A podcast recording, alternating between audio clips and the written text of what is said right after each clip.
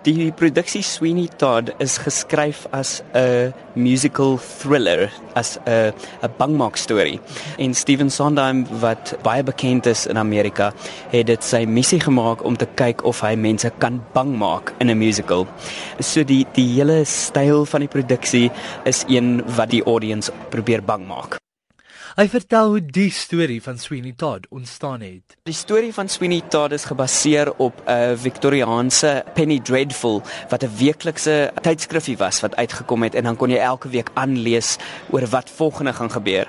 En die karakter van Sweeney Todd wat 'n man is wat wraak neem omdat een van die regters in Londen sy vrou uh wou hê en hom geban het Australië toe en in die tronk gegooi het terwyl hy onskuldig was. En die storie gaan oor Sweeney Todd wat terugkom Londen toe en wil wraak neem. Daar is 'n melodramatiese element daarin betrokke. Ons deel met ehm um, vreeslike heightened emotions is wat wat ons regisseur dit noem. Uh grootse passies en liefde en ehm um, wraak. Al hierdie al hierdie skerp kleure waar waarmee ons verf, uh die palet verf. En dis vreeslik interessant om te sien hoe die storie ontvou van 'n uh, 'n normale soort van storie in een wat jou regtig gryp en boei en bang maak. Mr. Todd, you have to help me. Mr. Todd, please. Out. Mr. Todd! Out! All this shouting and running about. What's happened? I had him! His throat was bare beneath my hand. No, I had him! His throat was there and he'll never come again. now. Hush, love, hush. I keep telling you. When? Why did I wait? You told me to wait. Now he'll never come again.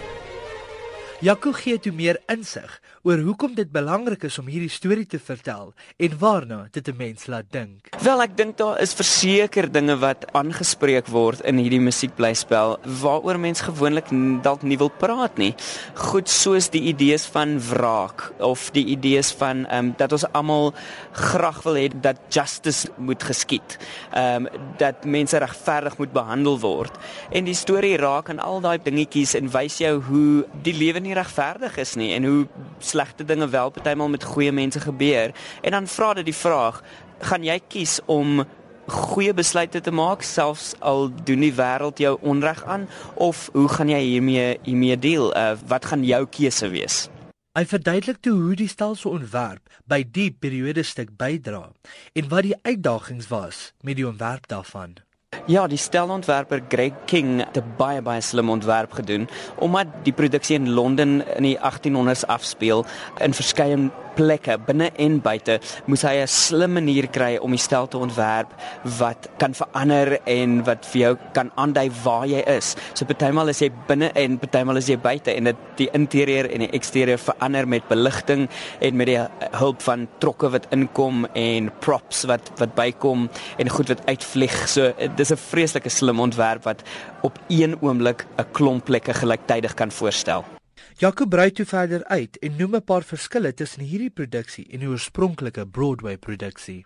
Die oorspronklike Broadway produksie het natuurlik 'n uh, al die bells en whistles en dit het in 'n baie groot teater gespeel. Dit is 'n 1500 sitplek teater. Ons speel in die Pieter Torin uh, teater by Monte Cassino wat 400 sitplekke het en die verhoog is baie kleiner. So hulle moes baie slim werk om om al die elemente op een slag op die verhoog te kry omdat daar nie verskriklik baie plek is om goed te beweeg vorentoe en agtertoe nie. So die die Broadway produksie het 'n het 'n massiewe stel gehad wat met trokke wat in en uitkom waar ons in baie meer konseptueel sterk is. There's a hole in the world like a great black pit, and it's filled with people who are filled with shit, and the vermin of the world inhabit it. But not for long. They all deserve to die. Tell you why, Mrs. Lovett, tell you why. Because in all of the whole human race, Mrs. Lovett, there are two kinds of men and only two. There's the one staying put in his proper place, and the one with his foot in the other one's face. Hy vertel toe van die geselskap en die uniekhede wat voorkom. Die hele geselskap is van Suid-Afrika en die kreatiewe span, maar hulle het Amerikaanse materiaal gevat en dit geïnterpreteer op 'n unieke manier wat nog nooit van tevore gesien is nie. So dis 'n unieke Suid-Afrikaanse produksie van Sweeney Todd en ons is verskriklik trots daarop. So ons twee hoofakteurs, Jonathan Rocksmith wat 'n uh, mus musiekteaterster in Suid-Afrika is en 'n ongelooflike talentvolle jong man is. Ehm um, speel saam met Sharon Williams Ross wat van Durban kom en sy het die rol van Mrs Lovett vertolk in Durban oorspronklik. So hulle is ons twee ehm um, sterre en dan is die produksie regtig 'n uh, ons noem dit 'n ensemble piece. Dit beteken almal in die geselskap dra by soos 'n klein uh klokwerkie in 'n in 'n groter klok. En as een van daai klein meganismetjies nie werk nie, dan werk die storie nie. So almal het hulle klein deeltjie wat hulle moet bydra om die storie te vertel en om die regte emosies oor te dra aan die gehoor. Laastens spog Jaco met 'n paar juweeltjies waarna ons kan uitsien. Ek dink daar's so baie verrassings wat ek nie wil weggee nie. Ehm um, maar ek dink verseker mense kan in die eerste plek 'n wêreldklas produksie verwag. Die die produksie aspek daarvan is absoluut wêreldklas.